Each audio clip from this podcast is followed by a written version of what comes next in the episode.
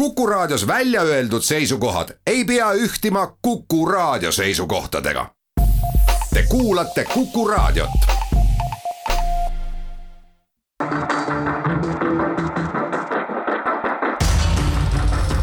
muuli ja Aavik. muuli ja Aavik. tere päevast, kell on juba peaaegu üheksa minutit üle üheteistkümne on viimane aeg alustada saadet. Muuli ja Aavik, stuudios on Kalle Muuli ja Martti Aavik. tere. räägime täna siis hakatusest, hakatuseks vaktsineerimissegadusest, kui seda nii võib nimetada. nädalavahetusel olid vaktsineerimistalgud, mis vähemalt Tallinnas lõppesid suhteliselt läbikukkumise moega.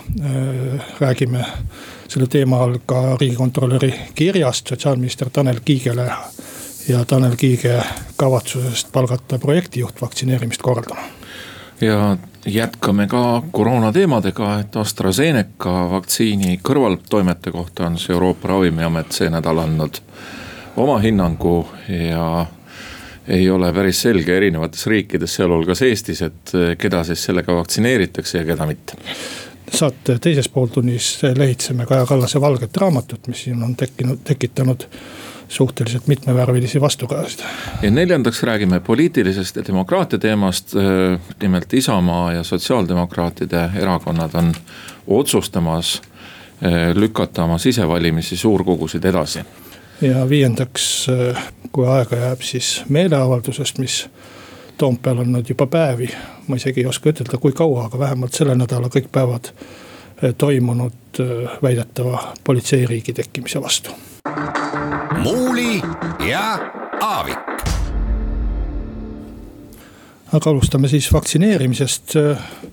nädalavahetusel ei suutnud vanemad inimesed ennast piisavalt registreerida siis massvaktsineerimisele. ja, ja tekkis segadus ka sellega, et kutsuti mõnel pool omaalgatuslikult nooremaid. noh, võiks ütelda, et, et läks nii, nagu oli arvata või pidigi olema arvata, kui seda äh, asja tehakse nagu müü, muu töö kõrvalt ja, ja, ja, ja muuseas. et äh, ja tehakse ka võib-olla, et väljaspool vaktsineerimiskava või plaani või, või, või ettevalmistusi, et selles mõttes. see asi, mis oli hästi mõeldud, tegelikult mõjus vaktsineerimisele mingis mõttes väga halvasti, sest tekitas inimestel kes olid niigi kõhkvel, väga palju pahameelt juurde jah, nõus sinuga, aga ütlen ka siis seda, mis on ilmselt selle positiivne külg, et äh, lõppeks on siis ära testitud selline äh, suur vaktsineerimine, et puht ruumi logistika mõttes ma olen aru saanud, et neil eraettevõtetel läks selle massilise vaktsineerimise korraldamine päris hästi. registreerimine mitte nii hästi ja see segadus ei olnud hea aga me vähemalt teame seda, et äh, väga vähese etteteatamisega, sest mitmed ettevõtted on valmis korraldama sellist suuremahulist äh, vaktsineerimist. jah, ma arvan, et kui neil oleks algusest peale see noh, ütleme ülesandeks tehtud või lepingud sõlmitud ja, ja kui nad oleks saanud ka põhjalikumalt valmistatud, võib-olla nad oleksid sellega registreerimise paremini suutnud äh, läbi mõelda või ette näha neid, äh, neid asju, et ma kindlasti ei heidaks selles äh, ürituses midagi ette nendele eraettevõtetele, kes ju tegelikult nende inimestega, kes kohale tulid, said ju väga hästi hakkama, iseasi, et neid väga palju mõnes kohas ja, ja, ja mõnel päeval ei olnud. aga noh põhimõtteliselt need etteheited, mis äh, riigi poolt ikkagi vaktsineerimise korraldamisel on, on, on viimasel ajal tõsised ja minu meelest ka õiged. Äh, alates juba vaktsineerimiskavast. Äh, et neljateistkümnendast detsembrist saadik ripub valitsuse poolt heaks kiidetud vaktsineerimiskava avalikult üleval. mina olen näinud ka ühte dokumenti, millel oli kuupäev üheksateistkümnes jaanuar aga minu meelest ei olnud see valitsuse poolt heaks kiidetud ja ma ei saanudki aru, mis staatuses dokument oli, ma pean vabandama oma, oma võhiklikkust. aga, aga, aga et selle valitsuse ajal oleks seda vaktsineerimiskava uuendatud mõtlen neljateistkümnes detsember, siis polnud ühtegi vaktsiinigi veel heaks kiidetud Euroopa Liidu poolt ja ammugi ei olnud ühtegi Eestisse tulnud, me ei teadnud, millised nende tingimused on, kellele neid süstida võib. kuidas neid hoidma peab isegi seda, mitu doosi tuleks süstida, et, et kõik see oli ju puudu. ja vaktsineerimiskavas endas, selles neljateistkümnenda detsembri omas on kirjas, et seda tuleb vastavalt siis oludele Eh, uuendada ja kohendada, et tegelikult on see kõik tegemata ja, ja, ja läbi mõtlemata. võib-olla kuskil lauasahtlis kellelgi on paber, aga avalikkuse ette küll seda toodud ei ole. jah, paistab nii, et eh, see nädal siis seitsmendal aprillil, millal see oli üleeile, on saatnud riigikontrolör Janar Holm oma õige mitme mitmepunktilise ülevaate või etteheited sotsiaalministrile selle vaktsineerimisplaani sisu, tutvustuse ja andmevahetuse korraldamise ja mille kõige veel kohta ja ka sisul, sisulised küsimused muidugi. ja mis on siis juhtunud, on see, et eh, kui siin veel mõni aeg tagasi Tanel Kiik rääkis eh, avalikult, nii nagu ta ikka paljusõnaliselt seletab, et, eh, et mingisugust täiendavat isikut ei ole vaja, täiendavat juhtimismudelit selle vaktsineerimise korralduseks, siis avalikkuse ja tõenäoliselt ka riigikontrolöri kirja survel on ta äh, teatanud, et tahab palgata ühe vaktsineerimise koordinaatorina. Jumal paraku, et kui kogenumad inimesed on sedasama rääkinud juba kuid ja kuid, et miks see, selle mõtte peale siis varem ei ole tuldud või miks, miks sõdib minister vastu headele soovitustele paljusõnaliselt ja, ja ei võta neid kuulda noh, Kaja Kallas peaministrina ütles, et vaktsineerimise eest vastutab sotsiaalminister Tanel Kiik.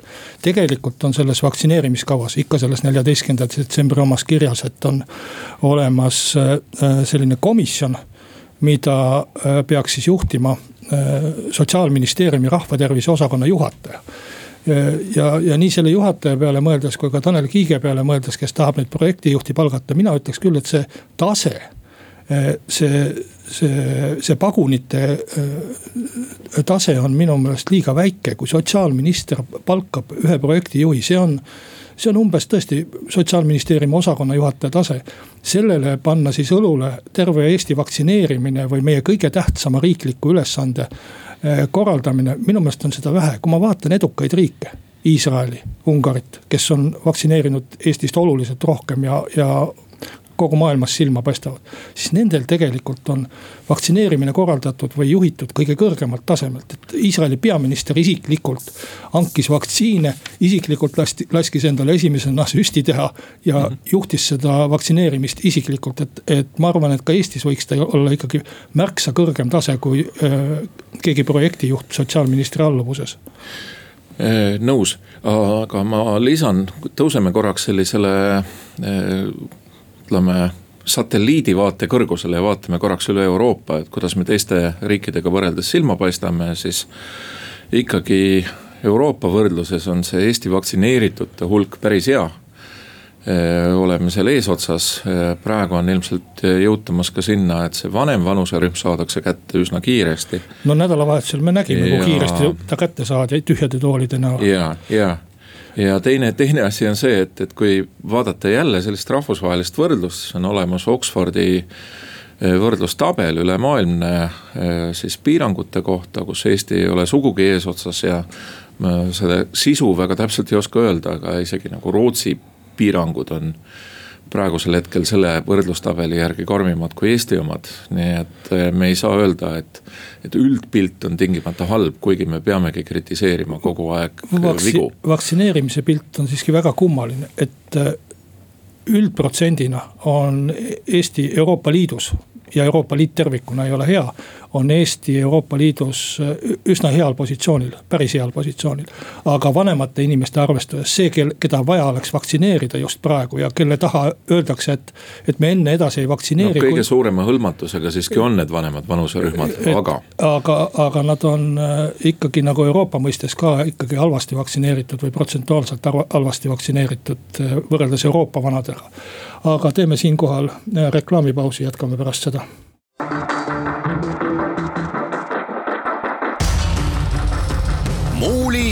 ja Aavik. muuli ja Aavik. tere taas oluline teema vaktsineerimise juures on kahtlemata see, et milline on usaldus vaktsiinide vastu ja missugu-, missuguste vaktsiinidega süstitakse ja väga õnnetult just selle usalduse mõttes, mitte isegi sisulises mõttes on äh, läinud AstraZeneca vaktsiinil. selle efektiivsus on väga kõrge. Äh, noh, Suurbritannias, kus on siis äh, firma nii-öelda üks kodumaadest lisaks Rootsile ja kus on see välja töötatud Oxfordis on isegi seitsekümmend viis protsenti endiselt usaldab seda AstraZeneca vaktsiini. aga on siis Euroopa Ravimiamet andnud oma hinnangu haruldaste trombijuhtumite seosele AstraZeneca vaktsiiniga ja leidnud, et. Et üks juhtum kahesaja tuhande kuni miljoni kohta on nende vaktsiinisüstimistel on siis seotud tõenäoliselt või usutavalt, kui olla päris täpne. Eh, selle vaktsiini süstimisega ja noh, kui võrdlus tuua, siis Äh, kui te iga päev teeksite midagi riskantset sellise riskiastmega, et, äh, et äh, võib juhtuda midagi halba ühel juhul miljonist. ja elate sajaaastaseks, noh, see annab kokku umbes kolmkümmend kuus tuhat viissada päeva. miljonist juhtumist olete te siis ikkagi enam kui kolmekümne korra kaugusel kui te iga tund teeksite midagi riskant-, sama riskantset, siis ka suure tõenäosusega või on väike, väike tõenäosus, et te jõuaksite oma sajaaastase elu jooksul selle riskini. Nii et äh, üks miljonist risk on tõepoolest väga väike asi, eks ole. Äh, ja, ja äh, Martti, see on kõik tore, see on statistika. aga, aga minu keel ei paindu nimetama heaks vaktsiini, mis tapab inimesi. ka siis, kui see on üks miljonist et äh, statistika on üks asi, aga jube äh, raske on mul käsitleda surma ja inimese elu ja tervist statistikana. kui äh, see üks miljonist oleks sinu laps või sinu lapsevanem või sinu õde või vend, kas sa siis räägiksid ka siin eetris praegust seda juttu, et kui te kolmsada kuuskümmend viis päeva ja nii mitu korda, loomulikult võib ilmselt ka ära tõestada, et üle tänava minek on riskantsem tegevus Tallinna linnas kui äh, AstraZenecaga enda vaktsineerimine. ma, ma olen selle statistikaga kõik nõus, aga.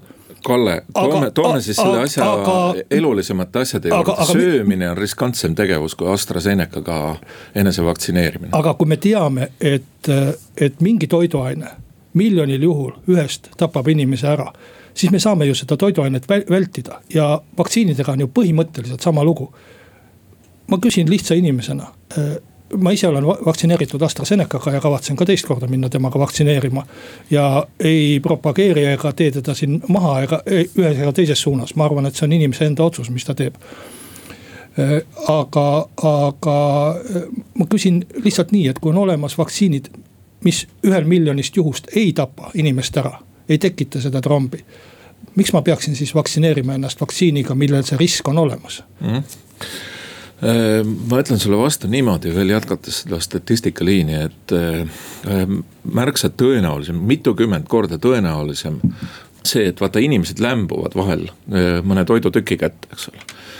et kui te jätkate söömist, tahke toidu söömist, siis on väga palju tõenäolisem, et teid tabab lämbumine toidutüki tõttu ja ometi keegi ei jäta söömist järgi. ja veel edasi, et kui te võtate ette tavaliste käsimüügiravimite infolehed, siis seal on ka mitmesuguseid riske, sealhulgas surmavaid riske esile toodud.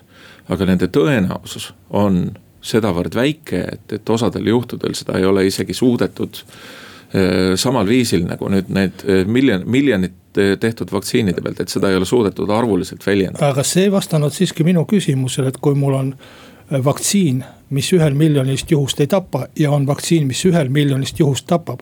miks ma siis peaksin valima just äh, selle vaktsiini, mis, äh, millel selline risk on olemas? igasugune sekkumine, igasugune meditsiiniline sekkumine kätkeb endas riski. mina ei aga... ole küll kuulnud, et Pfizeril oleks selline risk olemas või, äh, või Modernal no oled sa kuulnud, et näiteks sama tehnolo-, põhimõtteliselt sama tehnoloogia alusel tehtud Sputnikul on selline risk, sa ei ole kuulnud seda sellepärast, et eh, neid ei ole süstitud ega uuritud samal määral.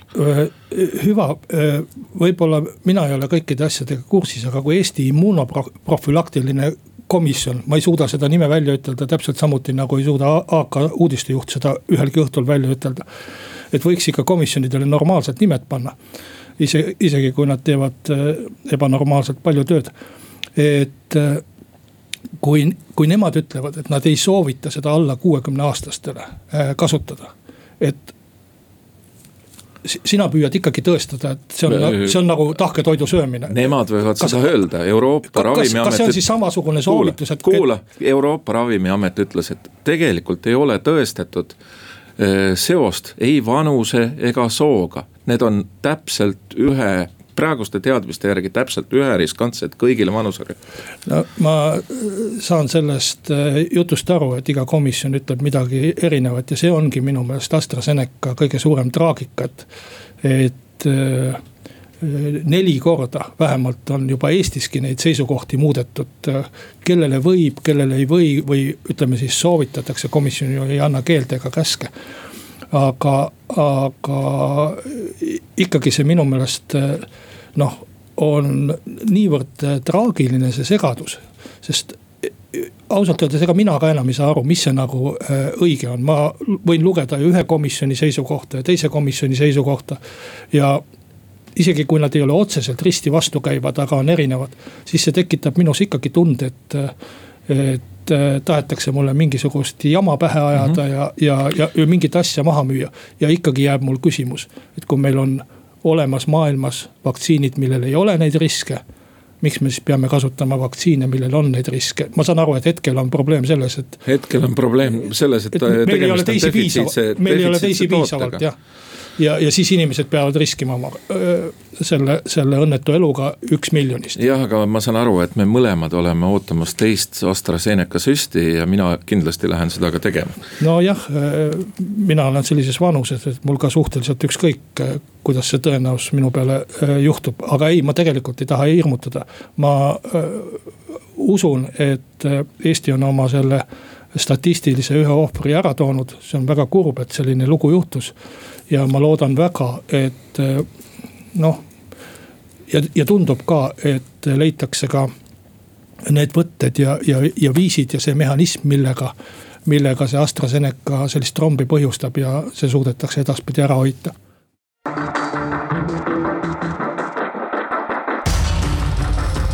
muuli ja Aavik.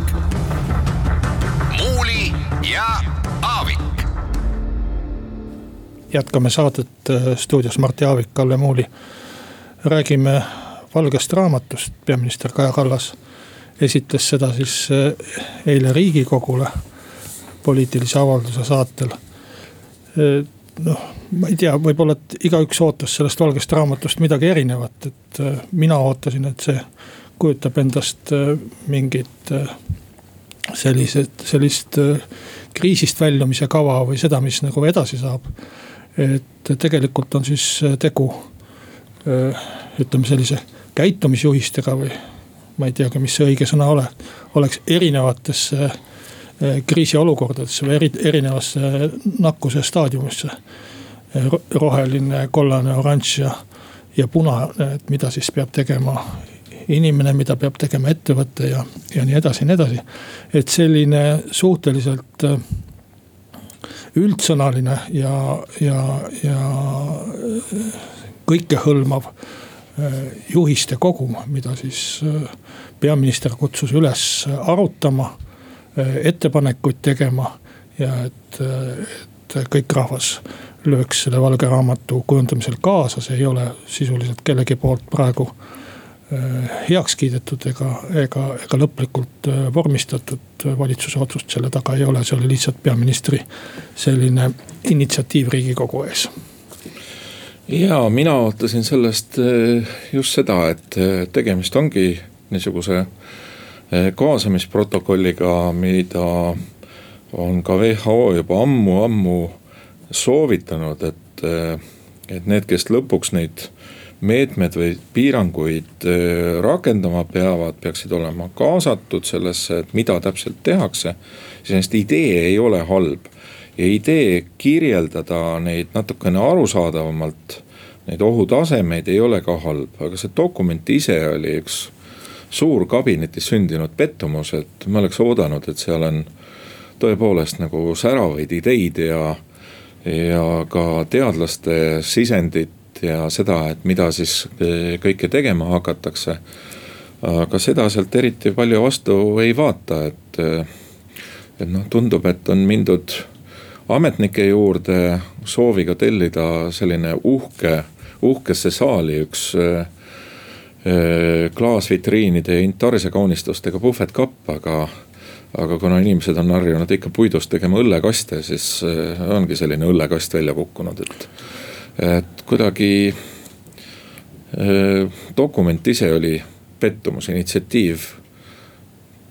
Pole võib-olla halb ja noh, lisaks veel siia juurde, et, et muidugi ei saa inimeste majandustegevust piiravaid, neile majanduslikku kahju põhjustavaid meetmeid kehtestada ainult viisil, et, et see on nagu vabatahtlik, et et ikkagi mõtleme kasvõi restorani olukordadele, et kui turg otseselt ei sunni sind eh, tegema, kasutusele võtma mingisuguseid meetmeid, mingisuguseid piiranguid.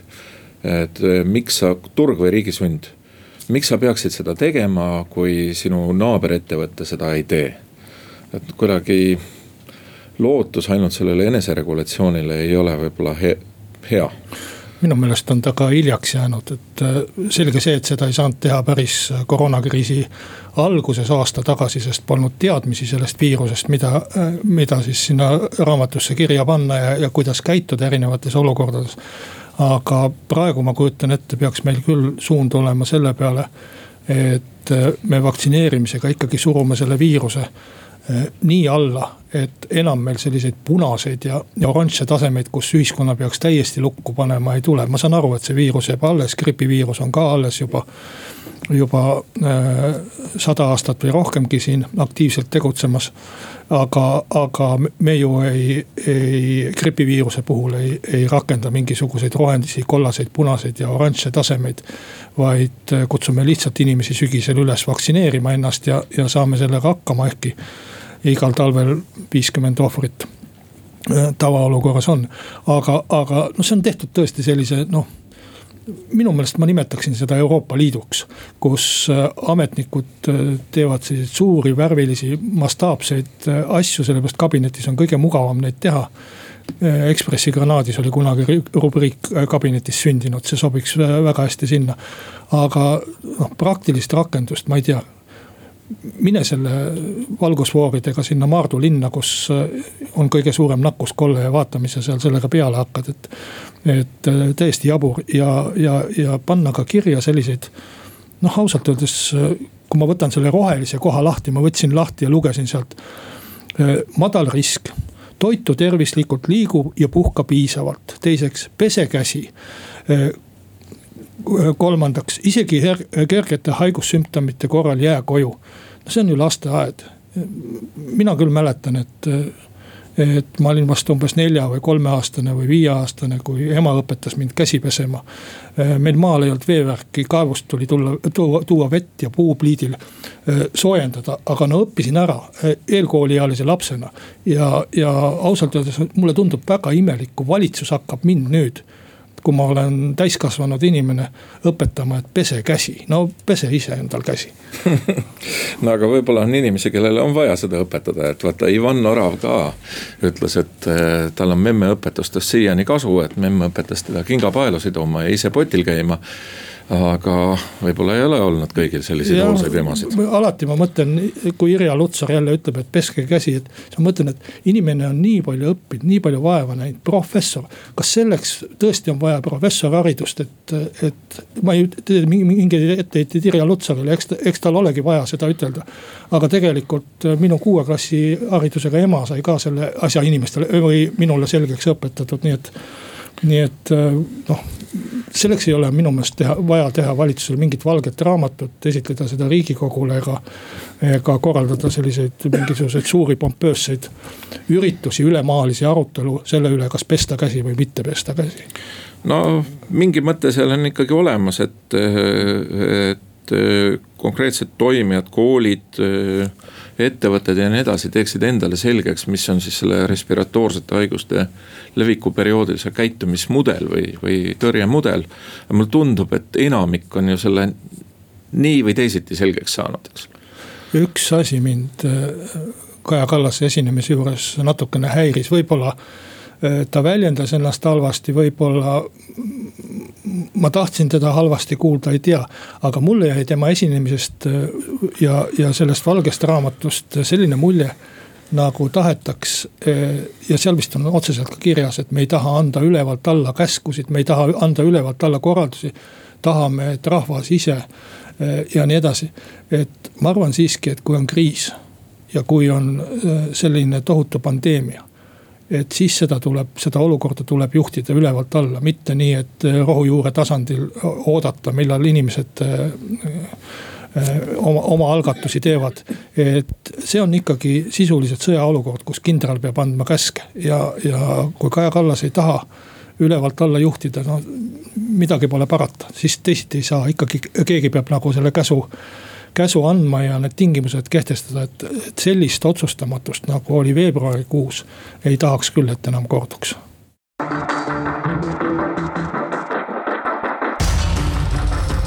muuli ja Aavik. muuli ja Aavik. tere taas, järgmise asjana räägime sellest, et äh, meie erakondade sisedemokraatia on tänu pandeemiale ohus. et juba on esimesed märgid. Isamaa, mille liige istub mul siin üle laua äh, ja ka sotsiaaldemokraadid on otsustanud oma suurkogud edasi lükata. ja mis nüüd küll saab Eesti erakondlikust esindusdemokraatiast? nojah, eks, eks põhiliselt ju ole jutuks võetud Isamaa, ehkki tegelikult sotsiaaldemokraadid on täpselt sama otsuse langetanud. kuna Isamaas on üks rühmitus, parempoolsed, kes siis on rahulolematud sellega, et seda suurkogu ei toimu sellel ajal, kui ta oleks ilma pandeemiata pidanud toimuma. kuna nad hirmsasti tahavad seal oma kandidaati üles seada ja noh, siis ei saa seda teha. et tegelikult on ju need põhjused ju ikkagi tegelikult praktilised ja, ja, ja, ja, ja tehnilised, et keegi ei kutsu ju praegu kokku Äh, mingisuguseid äh, suurüritusi, mitte no, kuskil. seda küll jah, aga et ma olen aru saanud, et, et on täiesti kasutatavad e-valimiste äh, moodused, mis on riigi poolt garanteeritud ja. Ja saaksid ka erakonnad seda teha, kui juhatustel ja vastavatel otsustuskogudel oleks see tahtmine. et ma usun, et vaidlus käib, käib selle koha pealt ja, ja ilmselt kuna kuna tulemused ju sõltuvad ka sellest, et kes tulevad hääletama, kes tulevad mingisugusele sündmusele kohale, siis eh, erinevatel kandidaatidel võivad olla sellega seotud e-, erinevad huvid. Noh. sellistes korralduslikes tingimustes. ma ei ole tehniliste asjadega kursis ja ma ei tea, kuidas need hääletussüsteemid töötavad või ei tööta. aga eh, kui me kujutame ette, et Isamaal on näiteks kaheksa tuhat liiget ja suurkogul peaks olema võimalik osaleda kõikidel nendel liikmetel. Äh, on ta kaheksakümne aastane äh, vanatädi Kapa Kohilast või, või, või kahekümne aastane itimees Tallinnast et nendel kõikidel kaheksa tuhandel liikmel peab see võimalus olema ja kui me nüüd mõtleme siin, et me väga mõistvalt suhtusime sellesse, et näed, kuuekümne aastased inimesed ja üle kuuekümne aastased inimesed ei suutnudki ennast äh, vaktsineerimisele registreerida äh, mingi e-registratuuri kaudu. et siis me ütleme, et need kaheksa tuhat inimest peaksid olema võimelised ja neil peaks olema tehniline aparatuur, arvuti ja asjad äh,. Mhm. internetiühendus ja, ja selle kasutamise oskus äh, niivõrd, et nad saaksid suurkogul tehniliselt osaleda, hääletada ja, ja oma tahet seal väljendada. noh mm -hmm., püüa nüüd praktiliselt äh, Marti ette kujutada, et kui ütleme, kakskümmend inimest kukub sealt välja või jääb hääletamata, milline kisa sellest tekib. Äh, milline sisedemokraatia rikkumine see on äh, keegi ei tea, kas mingisugused vastalised korraldavad seal sihilikult mingisuguse tehnilise apsaka või aktsiooni. ühesõnaga ma arvan, et see oleks antidemokraatia pidupäev, selline üritus. praegu kus... sa räägid mõnes mõttes ju ka e-valimiste kui selliste vastu, et tõsi, noh arusaadav, et pandeemia ajal haripunktis ei saa selliseid suurüritusi kokku kutsuda, aga meie põhimõte ju on olnud see, et, et valimisviisid on mitmesugused kasutusel, nii paberhääletamine koha peal, valimisjaoskonnas kui ka e-hääletamine, et ja meil on ju vähemalt üks erakond, mis mul kohe meelde tuleb, kes ongi kasutanud sellist hübriidset valimissüsteemi selleks, et kaasata oma liikmeskonda laiemalt jah, hübriidset süsteemi just nimelt, aga et on võimalik ka kuidagi muud moodi hääletada, eks ju. et kui sa e-ga ei saa hakkama, aga ega suurkogu ju iseenesest ei ole ju ainult hääletamine et selles, selles on ka üks probleem, et kui see oleks ainult hääletamine, et korraldame hääletuse ja korraldame esimehe hääletuse. ka neid hääletusi on seal muide mitu, on, on juhatus, on, on aukohus ja ja esimees ja nii edasi, et, et ma arvan, et sellest tuleks lihtsalt üks suur jama ja, ja, ja läbikukkumine. või võta teine näide, riigikogu istungid, mis võib-olla rohkem meenutab seda suurkogu et ma olen jälginud, neid on treenitud, neid on harjutatud, on loodud riigikogule spetsiaalne rakendus selle töö tegemiseks. ja mis siis juhtub, öösel küll kell üks lülitab ennast ikkagi see süü, süsteem välja Äh, järsku selgub, et keegi ei saa ühendust või lülitab mõni äh, saadik ennast ise välja, kes on äh, tehniliselt nõrgem. Neil on, neil on abiks terve ITI, ITI meeskond ja, ja asjad, et, et ka seda vaadates tundub mulle ja riigikogu liikmeid on sada üks. ja nad peaksid olema ju ikkagi valitud inimesed, mitte, mitte päris erakonna realiikmed, eks ju et äh, ma ei näe ka mida, midagi, mis siis nagu hullu juhtub nüüd, kui seda juhatust natuke hiljem valida, mis siis äh, sellest. Äh, see on täiesti seaduslik, seadusandja poolt veel spetsiaalne viis ette nähtud pandeemia ajaks ja tekitada sellest selline noh, kämelus, et küll on nüüd kole, et ma arvan, et, et see on Aga, li, lihtsalt selline, selline, selline teie, võimalus. Teie erakonna siseelu nii hästi, et, et kas on tõe, tõepoolest nagu kämelus ja no mis see sõna küll tähendab, ilmselt mingisugust tüli ja, ja õiendamist. ei et..., äh, siseelus ei ole rohkemat kui äh, rohkem on seda väliselus, et, et äh, üks parempoolne üsna teravalt ennast väljendas, aga siseelus vastupidi on rahulik. selle, selles mõttes, et juhatus otsustas selle ju üksmeelselt. Isamaa juhatus selle ettepaneku teha ja selles juhatuses Äh, mina vähemalt tean ühte parempoolset, ühte aktiivset parempoolset, võib-olla seal on neid rohkemgi. ka tema hääletas selle poolt, nii et siseelus ei ole mingit probleemi, aga noh, siin ei pea rääkima ainult Isamaast, sest sotsid, sotsid tegid põhimõtteliselt täpselt samasuguse otsuse ja ma arvan, et nende kaalutlused olid äh, täpselt samused, ehkki seal on ka kindlasti inimesi, kes tahaksid Indrek Saare vastu kandideerida, aga noh, nad võtavad seda rahulikult. Jaa, aga ma küsin, küsin ikkagi edasi, et, et siin on ju see probleem ka, et on tulemas sügisel kohalikud valimised, et. et kuidas siis on, et kas need erakonnad teevad oma eh, sisevalimised enne, kumbki erakond ei ole ju väga hea toetusprotsendiga praegu reitingute järgi. umbes ühel pulgal seal veidi üle viie protsendi, et et kas tulevad need sisevalimised veel enne kohalikke valimisi või ei tule? Ma ei tea, seda äh, ilmselt ei ole otsustatud ja ka suurkogu ärajätmist ei ole tegelikult otsustatud, sellepärast et äh, selle otsuse, kas suurkogu kutsuda kokku või mitte, langetab põhikirja järgi volikogu. Isamaa volikogus näiteks on sada kakskümmend seitse inimest nad on kõikidest Eesti piirkondadest, igast piirkonnast on seal neli, viis, kuus esindajat. Tallinnast natuke rohkem ja Tartust ka. et tegelikult ju see annab ka erakonnast päris hea äh, sellise esinduslikkuse või ülevaate, et sada kakskümmend seitse inimest. Äh, kui need otsustavad erakonna asju, et ma arvan, et, et ütelda, et see on ebademokraatlik, kindlasti ei saa aga räägime siis võib-olla, et saate lõpetuseks natuke ka nendest äh, meeleavaldustest, mis politseiriigi vastu on Toompeal toimunud. Äh, inimesed peavad vapralt võitlust ja, ja kaitsevad meie vabadust. jah, see on üks äh, niisugune väga kummaline nähtus, et minu hinnang sellele on see, et siin on vähemalt ühe opositsioonierakonna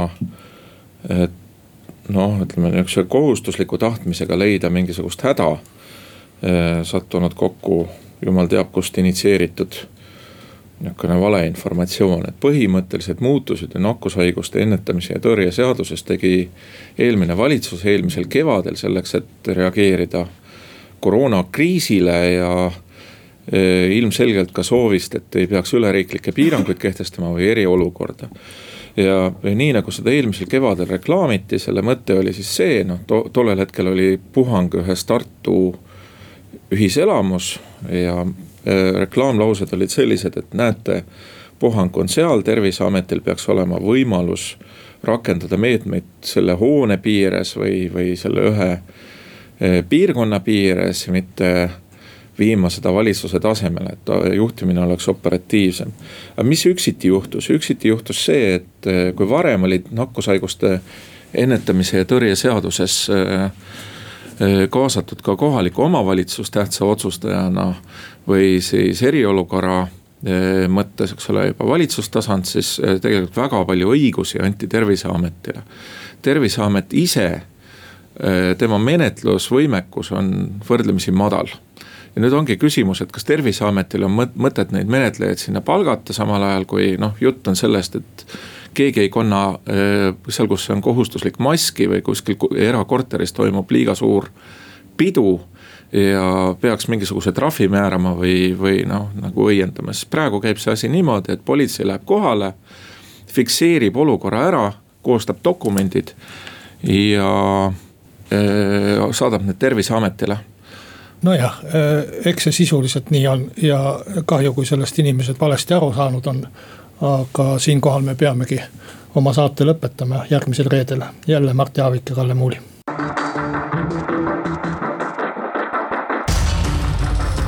Muuli ja